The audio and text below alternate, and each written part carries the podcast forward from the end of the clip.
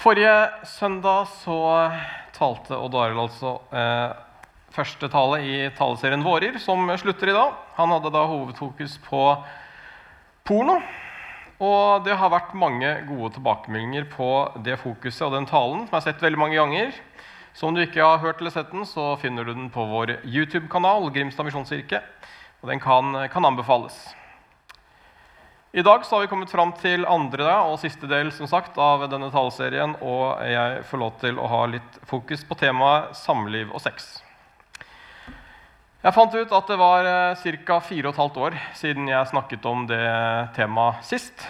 Så hvis du er ny her og lurer på om vi har veldig mye fokus på sex her i kirken, så går det altså fire-fem år mellom hver gang vi taler om det i gudstjenesten.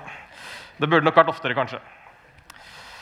Men vi tror det er viktig å snakke om på lik linje med andre temaer som er livsnære, og som opptar oss, som Trond Vegard var inne på i stad. Det er jo ingen tvil om at vi lever i et eh, sexfiksert samfunn. Avisene selger på sex med kjøp abonnement og få tilgang til artikler om sex og samliv osv. som ofte handler om det. Jeg har selv fulgt litt med på nettavisene denne uken her. Bare for å se, og for På Nettavisen så har vi hatt overskrifter som Sexnettsiden skal være så god at selv Emma Watson anbefaler den. Og da er det selvfølgelig klikk her med bak betalingsmur for å få tilgang til hva som står. Eller pandemisex og slik holder det ut. Jeg visste ikke at det var en egen type sex man måtte ha i pandemien, men det kan jo hende at det er noe vi trenger å undersøke. Dagbladet meldte i går fem typer som kjøper sex. Så hvis du lurte på det, så kunne du også klikke deg inn der og eventuelt betale for abonnement for å kunne lese. Samlivet blir også brettet ut på nettavisene. De har mange tips til folk. De vet jo at samliv angår mange. så Blant annet denne uken sto det om at disse faresignalene viser at det er på tide å gjøre det slutt med partneren din. Og en artikkel til eh, som ikke kom så mye lenge etterpå, het 'Den beste måten å gjøre det slutt', med undertittelen 'Si det som det er', råder eksperten. Slik unngår dere krangling og bråk. At man skal si det som det er, er jo en god ting, men man unngår krangling og bråk. Det kan jo kanskje diskuteres eh, sånn sett. Og jeg vet ikke om nettavisene er de stedene man bør finne de beste, eller finner de beste samlivstipsene, egentlig.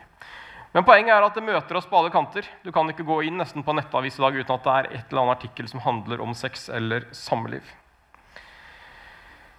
Det er tilgjengelig, og de som lager avisoverskrifter, de vet hva som selger. De bruker mye tid på å få den beste vinklingen for å få mest mulig til å klikke seg inn.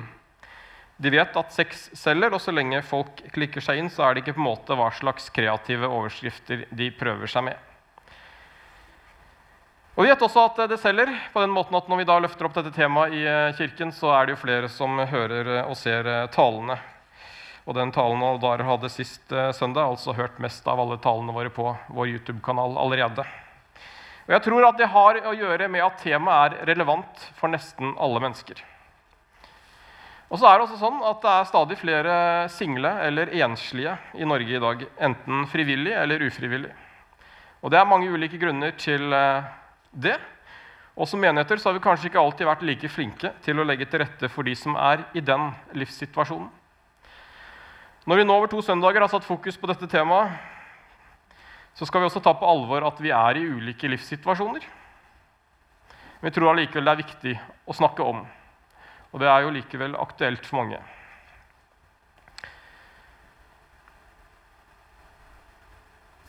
Og fins det da, hvis ikke nettaviser sånn er det beste stedet å hente inspirasjon eller lære, fins det en motstemme til dette fokuset på sex som vi finner rundt oss? Jeg tror det. Det er nødvendigvis ikke sånn at Ex on the Beach og Paradise Hotel og andre TV-serier som spiller på sex, formidler det beste budskapet om sex.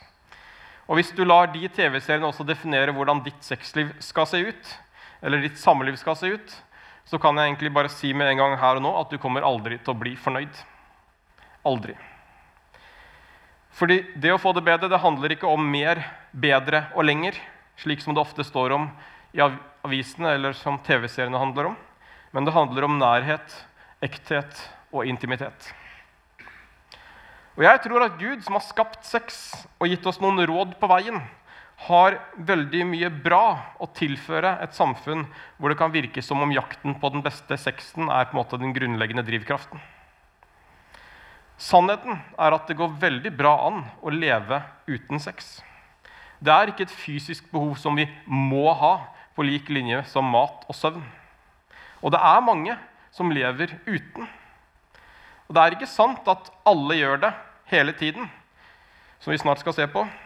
Og hvis sex gjør oss lykkelig, skulle man jo kanskje tro at vi var mer lykkelige nå, når det er mer tilgjengelig og du finner det overalt. Men er det sånn? Nei, det er ikke det, og det skal vi også komme tilbake til straks. Men det kan jo virke som, da, hvis vi ser på hva som er fokuset på Internett, som om alle lengter etter å ha sex i verden i dag, og at det kanskje er noe av det viktigste. Men hvorfor lengter i så fall mennesker etter det? Kan det være rett og slett at det vi lengter etter, eller det vi tror vi lengter etter sånn dypest sett, ikke er det fysiske, men det handler om en lengsel etter nærhet, en lengsel etter aksept, det å bli bekrefta og det å oppleve å være elska. Og hvis vi stiller spørsmålet motsatt, da, hvis vi mennesker egentlig dypest sett lengter etter nærhet, aksept, bekreftelse og det å være elska, er da svaret sex? For å oppleve det? Jeg tror ikke det, for det er nemlig fullt mulig å ligge med noen uten å oppleve nærhet. På samme måte som det er fullt mulig å oppleve nærhet uten å ligge med noen. Så er det en del som bruker sex for å komme nærmere hverandre eller for å bli kjent med hverandre. Men det fysiske tar fort mye plass, og så blir det ofte lettere kanskje å kline enn å prate. Så hvor nærme man egentlig kommer, det kan man spørre om hvis det er det som blir premissene for forholdet. Og jeg tror på de undersøkelsene som sier at de som har best sex, det er de som er gift eller som er i et fast forhold. For de blir godt kjent. De vet hva den andre liker, og de vokser nærmere hverandre over tid. Jeg tror også at sex hører hjemme i rammen av en forpliktende relasjon. For jeg tror at sex handler om så mye mer enn bare det fysiske. Noen ganger kan vi høre at folk sier at ja, men det var bare sex. Det var ikke noen følelser inne i bildet. eller Det var liksom ikke noe mer enn bare det var bare sex. Som om sex bare er en fysisk aktivitet som du kan gjøre på lik linje med å ta deg en joggetur. Men jeg tror at de fleste vet at sex handler om mye mer enn bare en fysisk aktivitet. Det handler, handler, nemlig om hvem vi er. Det handler om følelser, det handler om identitet, og det handler om noe av det mest intime som vi kan dele med et annet menneske. Og da er derfor artikler om sex får mye mer klikk enn artikler om jogging. For det er ikke det samme. Og så kan vi ikke snakke om sex uten å snakke om Gud. Og det har ikke Kirken alltid vært like gode på. Dessverre. Som det har stått på Facebook-siden på et bilde eh, på vår Facebook-side den siste uken, så har det stått at Gud er for sex. Det er han som har skapt det. Og det er sant. Sex er ikke noe som Gud bare tillater, men det er noe han har behag i. Og det er noe godt, og det er noe positivt. Så når folk mener at kristne gjør sex til noe negativt, så må det være fordi at Kirken enten har et kommunikasjonsproblem, eller at vi ikke har skjønt poenget. For sex det er noe fantastisk. Det er skapt av Gud. Og det er noe mye mer enn bare fysisk tilfredsstillelse som er poenget. Kirkens motstemme til verden bør derfor ikke være at sex er noe mindre, men det bør være at sex er noe mer. Det er noe mer enn det nettavisene og TV-seriene forteller oss.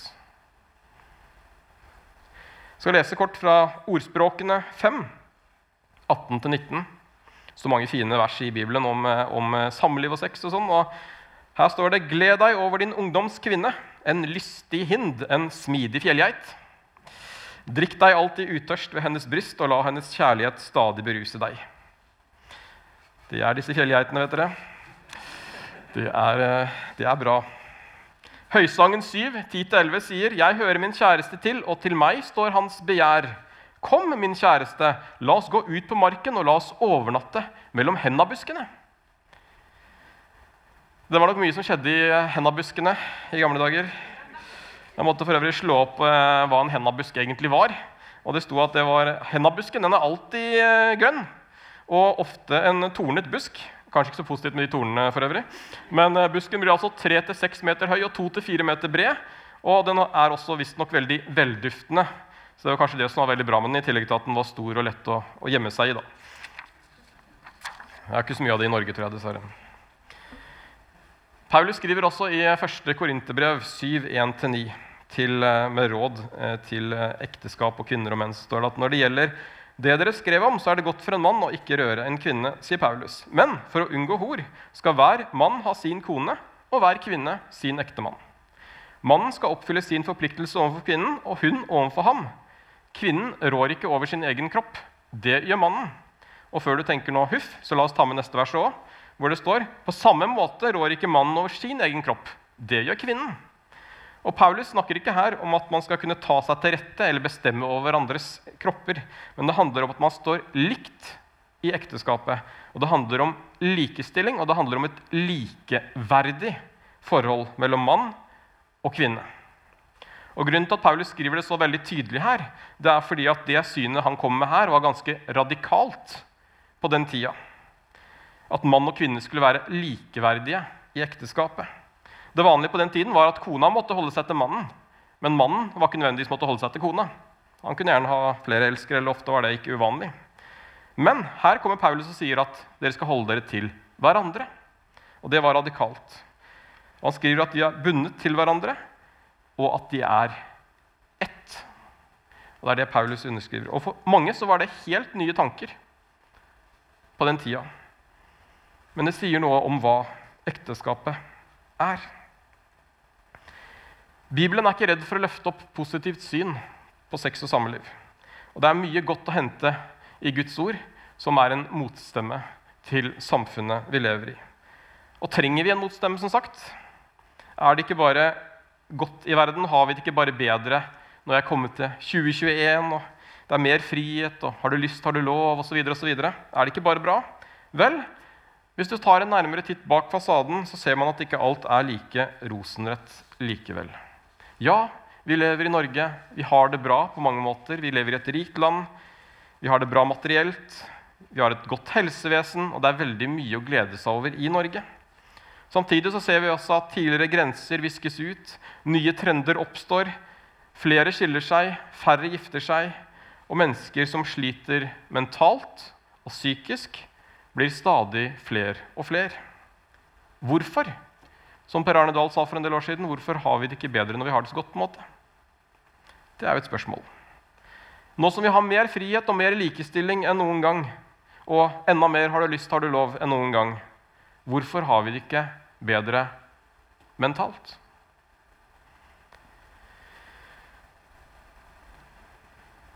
Media forteller oss suksesshistoriene. De løfter opp de som lykkes, de løfter opp de flotte kroppene.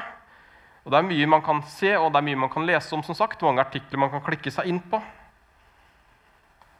Og Heldigvis så synes jeg også at trenden de siste årene har begynt å vise konturene av en motreaksjon til alt det her. Og det tror jeg er bra. Jeg tror at vi nå kanskje et punkt hvor man kan etter lang tid kan si at oi, kanskje ikke det er alt som er like bra for oss likevel. Og Det kan jo være spennende å se framover. Og Fra 2010 og til 2017 over syv år så var det en stor undersøkelse blant norske ungdommer. Over 400 000 ungdommer deltok i undersøkelsen. så var en stor undersøkelse. Hva viste den? Jo, i løpet av de syv årene så ble norsk ungdom mer depressive. Flere slet psykisk, de opplevde å være mer stressa, de var mindre med venner, og de var mer foran skjermen. Og Jeg tror ikke at det er bare unikt for de unge. Jeg tror det gjelder oss nordmenn generelt. Og jeg tror at det også er en tankevekker. I undersøkelsen fra 2017 ble også ungdommers seksuelle helse sjekket og viste at halvparten av ungdommene på videregående har hatt samleie med noen. De fleste debuterte i 16- og 17-årsalderen, og 3% sier at de hadde samleie før de fylte 14 år. Et urovekkende funn fra undersøkelsen viste også at mange opp ungdommer opplevde seksuell trakassering. Og én av fire jenter på videregående hadde opplevd mot sin vilje at noen hadde befølt dem eller gjort et eller annet seksuelt mot dem som ikke var greit. 8% av guttene eh, sa det samme. Så flest jenter. Men vi må ta på alvor at det er mange som opplever slike ting. Én av fire er et ganske høyt tall. Og kanskje så har du opplevd noe som ikke var greit. Og kanskje har dine grenser en eller annen gang blitt overskredet. Så er mitt råd i så fall til deg i dag å prate med noen om det. Fortell det til noen du er trygg på, eller som du stoler på. Eller prat gjerne med en profesjonell psykolog eller en terapeut. For det å oppleve at noen gjør noe med din kropp eh, som ikke er greit, det skaper sår. Og sår trenger å leges. Og det å ta med sår inn i eh, forhold kan gjøre ting vanskelige, og da er det behov for å bearbeide og snakke om det som man har opplevd, og som er vanskelig. Så gjør det.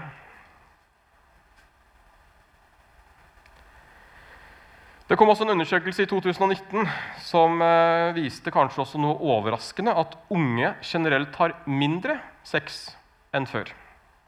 Debutalderen øker i flere land.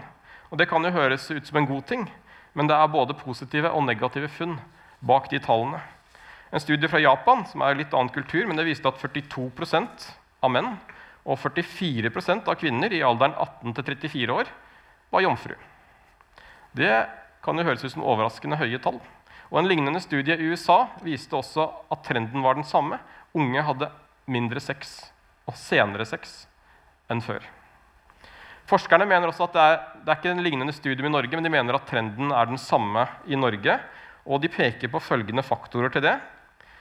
Det ene er økt nettbruk, mer tid foran skjermen og mindre fysisk omgang med andre. Og det Er klart at er du mer foran skjermen, så blir det jo mindre muligheter for sex med andre.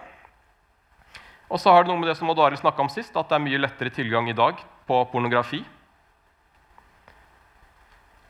Og så er det Et positivt funn er at unge drikker mindre enn før. Og det er jo positivt, tenker jeg. Andelen, andel ungdom som hadde drukket alkohol de siste tolv månedene, er redusert fra 78% i 1999 til 49% i 2015. Så halvparten av ungdommene i 2015 hadde ikke drukket alkohol det siste året. Det er høye tall. Og det er en god ting. Og Kanskje er det kanskje en av de konturene i en motreaksjon til det samfunnet som vi lever i.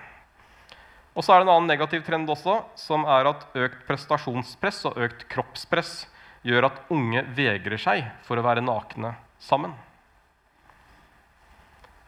Og Da er vi tilbake til media og TV igjen, tror jeg. Hvis bare influenserne og reklameplakatene og TV-seriene skal vise oss de kroppene som vi bør ha, hva gjør det med oss? Jo, undersøkelsen viste at halvparten av unge på 12 og 13 år sier at de ønsker å endre noe på eget utseende.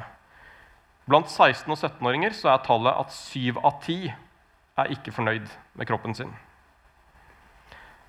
Det økte kroppsfokuset i samfunnet skal jo være positivt, men det har altså sine skyggesider og negative sider.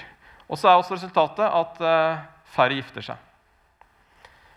I dag er det 70% av mennesker i Norge som, eh, mellom 16 og 79 år som lever i et uh, forhold. Av disse er det ca. en fjerdedel som lever i, uh, som samboere. Så de aller fleste av de som er i et forhold, er altså gift av de som er mellom 16 og 79 år. Men så er det forskjellige lokale forskjeller, og i Oslo, som er en av storby, så regner man at 40% av de som bor i Oslo, er enslige eller single.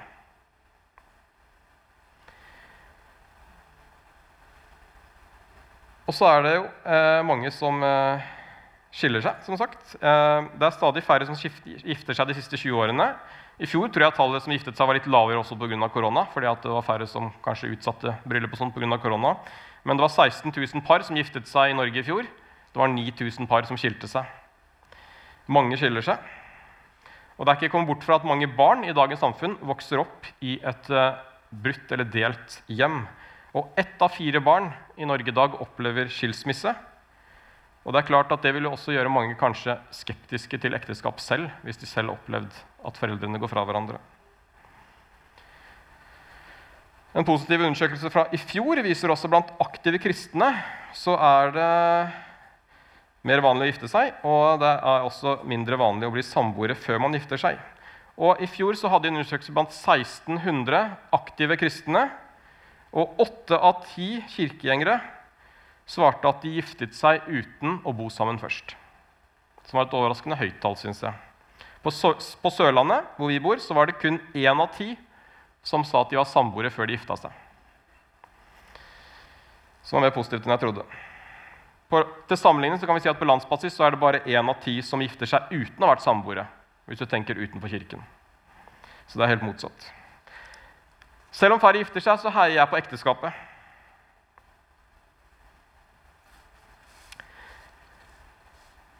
Og jeg tror at eh, samfunnet vi lever i, må ta på seg mye av skylda for at mange sliter i eh, ekteskapet. Vi skal ikke bruke altfor mye tid på det temaet, men jeg tenker, som jeg har nevnt i stad, sosiale medier, nettaviser, TV-serier og skjerm må ta sin del av skylden for at mange samliv går dukken. Og det er klart at Når artiklene handler om f.eks. test forholdet ditt her, eller sjekk forholdet ditt, eller ta tempen på forholdet ditt, så er det ikke nødvendigvis eh, positivt eh, for forholdet å gå inn og trykke på det. Og jeg tror kanskje ikke at Internett er de som kjenner ditt forhold best. egentlig. Og En artikkel jeg fant på eh, Nettavisen, hadde overskriften 'Lurer du på om du skal gjøre det slutt med kjæresten?' 'Dette trikset kan hjelpe deg.' Og hva var trikset? Jo, kast mynt og kron og se hva du får. Er du fornøyd med utfallet? Check. Ferdig med den saken. Jeg vil ikke anbefale den fremgangsmåten. Men jeg vil anbefale om du sliter i ditt forhold, som de aller fleste vil oppleve i et langvarig forhold, at det blir vanskelig iblant. Oppsøk hjelp, eller prat med noen. Eller gå et samlivskurs. Vi avslutta på mandag et samlivskurs digitalt som vi har hatt i kirka her nå. Syv kvelder om å være to. Vi hadde 25 par som deltok. Mange fra kirka her, også noen langveisfra. Vi hadde et par fra Tromsø blant annet, som var med på digitalt samlivskurs her i kirka. Digitalt. Noen av, noen av, de positive tingene med det digitale. da. Det var en god ting. Jeg og kona fikk lov til å gå på det selv også. Bra samlivskurs. Og hvis du ikke har gått det og tenker at det kunne vært aktuelt, så kommer vi nok til å kjøre det digitalt årlig for å gjøre det lett for folk å bli med på det.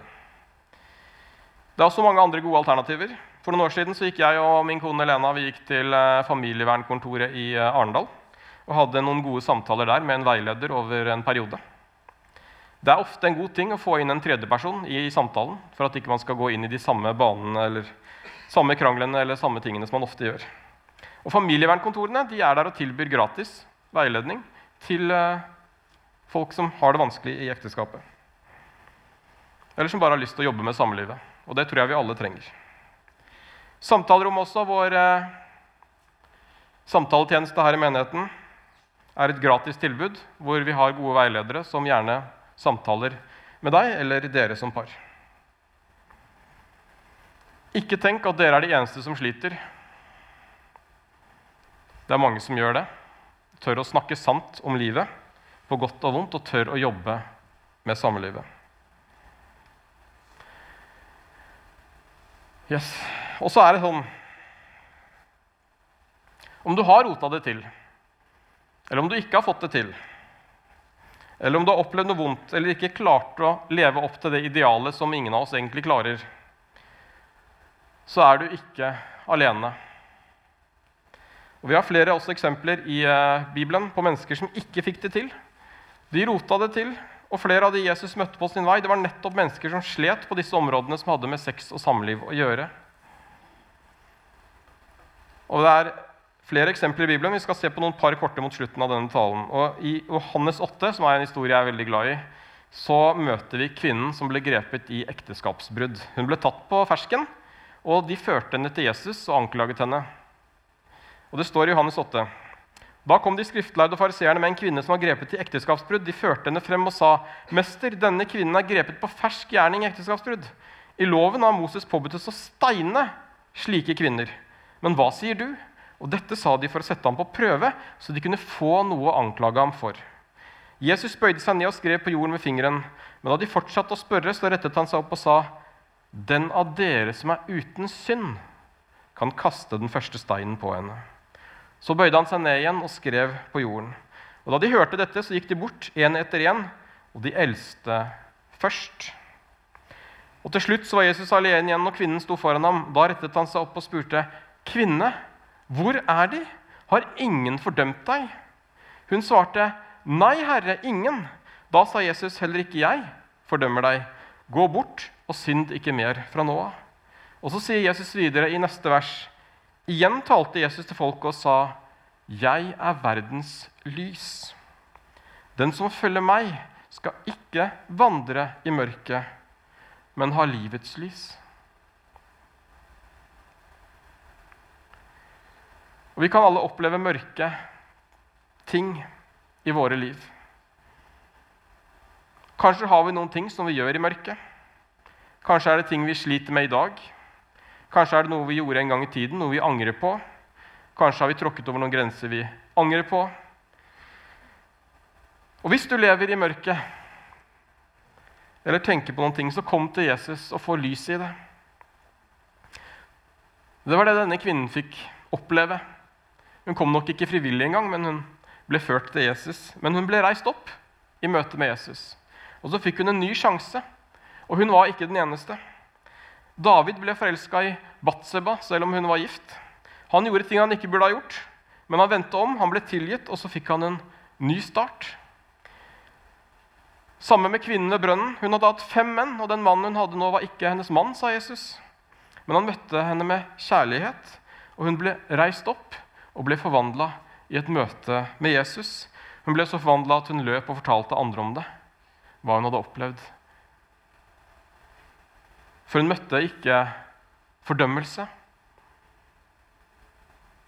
Hun møtte kjærlighet og det levende vann, som endra henne.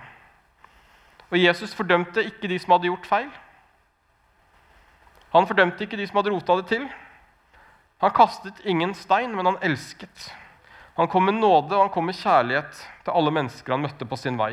Han reiste de opp, han ga de en ny sjanse, og han oppmuntret dem til å ikke gå tilbake til det gamle, fordi han visste at det ikke ville føre til noe godt for dem.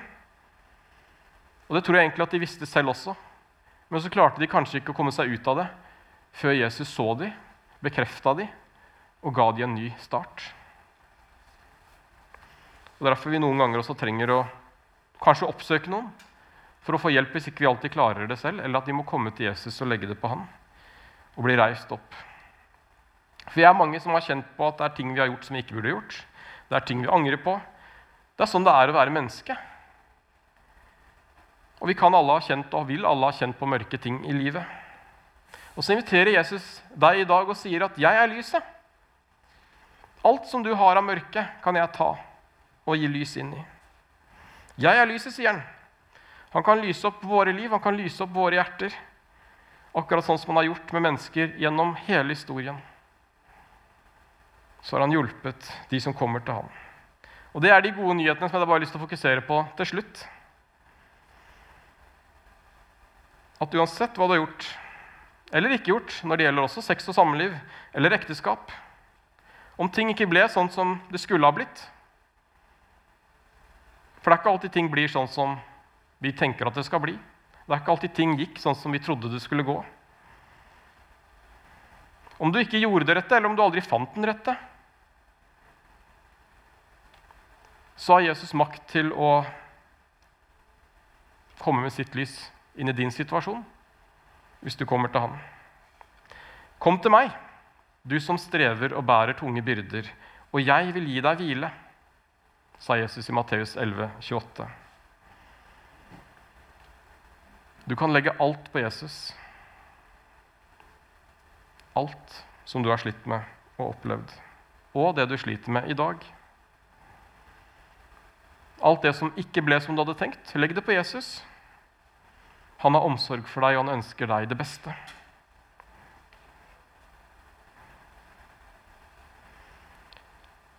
Så i et samfunn hvor det er mange som drar i ulike retninger, hvor det er mange valg hver dag, så er min anbefaling å gå til Han som har sagt, 'Kom til meg, du som strever og bærer tunge byrder, og jeg vil gi deg hvile'. Jeg tror han har mye mer å tilføre hver enkelt av oss enn de svarene du finner på nettavisene, i TV-programmene eller i samfunnet rundt oss.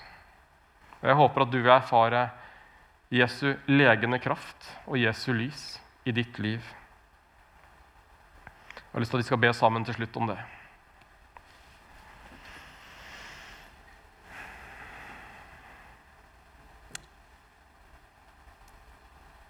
Kjære Jesus, takker deg for eh, at ingenting er skjult for deg. At du kjenner oss akkurat sånn som vi er, far, med de feil og mangler som vi har, far. Du ser at vi som mennesker stadig kan uh, tråkke feil, vi kan rote det til. Jeg takker deg for at du har vist oss med dine eksempler at du gir nye sjanser. Du reiser oss opp, far, og du kommer med ditt lys inn i det som er mørkt. Og du har evnen til å ta våre byrder på deg. Og det takker jeg deg for, Jesus. Nå ser du disse talene vi har hatt om disse to søndagene, far. Ber meg at hvis det er noen som eh, kjenner at det er noe av dette som eh, Odd Arild og jeg har snakka om, far, som man trenger å ta et oppgjør med eller få fram i lyset, far, så ber jeg om at du må gi frimodighet til det og kraft til det, far.